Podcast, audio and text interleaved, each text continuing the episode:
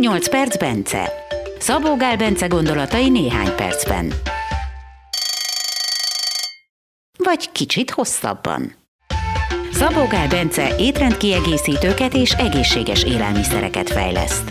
Egészséggel, gyógynövényekkel, táplálkozás és testmozgással kapcsolatos kutatásokat folytat. Érdeklődik a buddhista filozófia, a meditáció, tradicionális gyógyászati rendszerek iránt. Bence filozófiája, mindenen lehet javítani, csak azon nem, ami nincs. Azt viszont meg kell csinálni.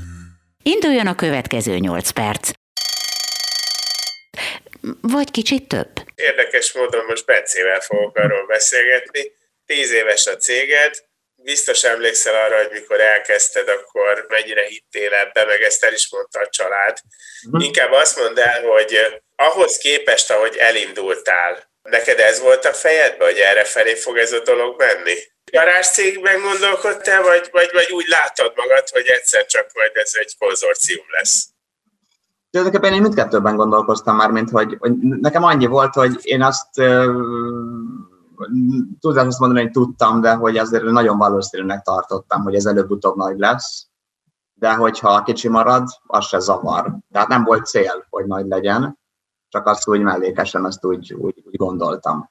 De hogy, hogy a, célom az igazából annyi volt, hogy legyen egy ilyen viszonylag kis igényű vagyok, tehát hogy az egzisztenciámat megteremtsem ugye ezzel, az volt ugye az egyik cél, azon felül ugye, hogy, hogy minőségi termékek meg ilyenek, főleg kajára költök, és emiatt másra úgy nem nagyon van, úgy igényem, néha utazok, vagy valami, de hogy ez így bőven. És ezt már mostanra már ugye túl teljesítettem bőven, úgyhogy azóta se változott ez a, ez a költési igényem, úgyhogy most már tényleg örömzene a dolog. Hát azért hogy a szempontból változott. Hány emberrel dolgoztak most? Ja, ja, hát persze, ilyen szempontból sok minden változott, igen, mert ugye most egyre nagyobb. Hát 30 valamennyi. Most közel van a 40-hez, úgy tudom, azt hiszem, de nem tudom, hogy pontosan. Mert ugye ez, ez változik. Hogy hát most ez, az már egy felelősség. Azért ezt lássuk eddig is ugye az, az, azok felelős, tehát az, az, az legalább akkor a felelősség, ugye. De, de igen, persze, tehát most, hogy mások egzisztenciája is felelőssé váltam, bár olyan szempontból annyira ez nem az én felelősségem, mert én, én úgy kezdtem nökeszéknek, hogy öt évet adtam magamnak, hogy öt évig fogok ezzel úgy százszázalékosan foglalkozni. Az első öt évben ez is történt, hogy napi négy órát aludtam átlagosan, és egyébként pedig non-stop csak a céggel foglalkoztam, de annak minden szegmensével. Na most viszont, de célom volt, hogy öt év után eljussak oda, hogy mindent így leszervezek magamról, és csak ami engem érdekel, tehát a, a benne lévő termékfejlesztés, vagy kutatás, és mondhatni kutatásfejlesztés az, amivel a cégen belül foglalkozni akarok, és akkor az úgy nagyjából így is történt, hogy akkor ezt így nagyon nehéz volt leszervezni. Tehát ezért most már nem az én felelősségem annyira közvetlenül ugye ez a sok ember, mert hogy én a kutatásfejlesztés résszel foglalkozom csak, és ugye a humán erőforrás, meg tudom én a dolgoknak a menedzselése, az, az van beleszólásom, nyilván meg informálódok róla, de azzal mások foglalkoznak, akik ezekhez a dolgokhoz nálam jobban értenek, és azért azt gondolom, hogy e, e, inkább az ő felelősségük. Az én szempontom, vagy az én részemről annyira a, a felelősségem, ugye, hogy ha elkezdek hülyeségeket csinálni, hülye termékeket gyártani, meg tudom én, akkor nyilván tönkre megy egy cég, és akkor ők is elvesztik a munkájukat, de az azért nagyon közvetett felelősség, úgyhogy, úgyhogy ezt inkább a, az inkább anyué, meg stb. Tehát, hogy meg, meg egyéb nálunk dolgozó embereknek a a, a felelőssége, azt hiszem. Arra emlékszel, hogy milyen, milyen termékekkel kezdtél? A halolaj, D3 vitamin, Q10 koenzim, E-vitamin, ezek voltak az első termékek, amennyiben a magliszteket nem számolom. A, végülis az volt a cég első terméke, a magliszt. Ezek a... Tényleg? Aha. Nem, ez csak nagyon, nagyon röviden, hogy a, ugye paleós körökben elkezdtek használni őrölt magvakat a lisztek helyettesítésére, hogy itt tojással összedolgozzák, meg mit tudom én.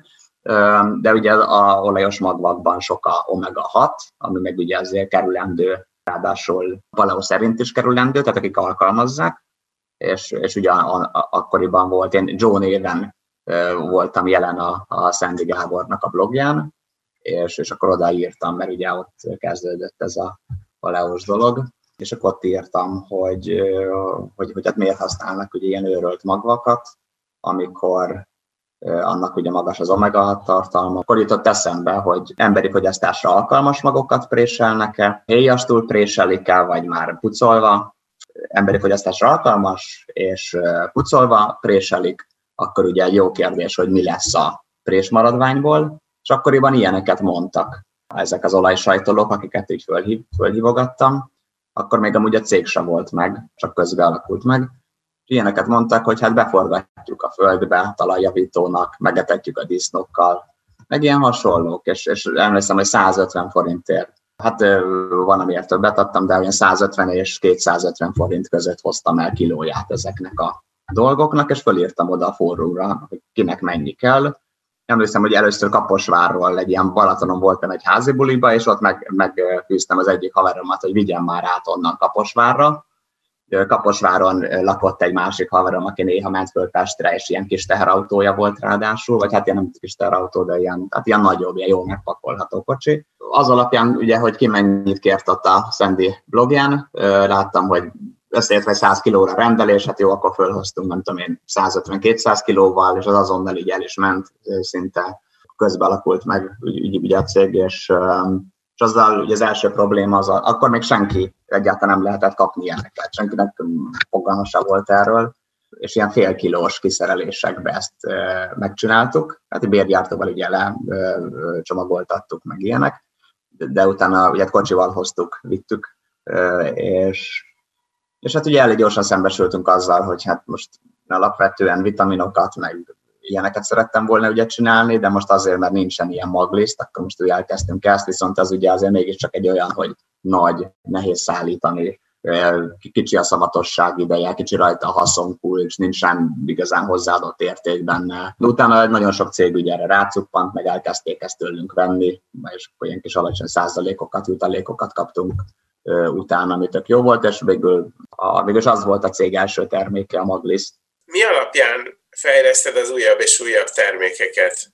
Hát alapvetően mindig a, a, nyilván van egy olyan része is, hogy mi az, ami éppen érdekel, de, de alapvetően fontosság és sorrendbe szeretek haladni. Így nap mint nap olvasgatok a témában, akár véleményformálók cikkei, külföldi, itthoni, akár szaklapokban. Főleg ugye eleinte érdekelt, hogy mik a legfontosabbak. Ugye most már, amikor már ez beállt, most már nehéz ilyen sorrendeket fölállítani, és most már inkább érdeklődés alapon megy a, megy a dolog, de nyilván, hogyha közben kiderül, hogy, hogy valami azt éppen most vették észre, hogy mennyire fontos is lenne, akkor persze az érdeklődésem középpontjába kerül könnyen az a dolog, és, és akkor az, abból lesz termék.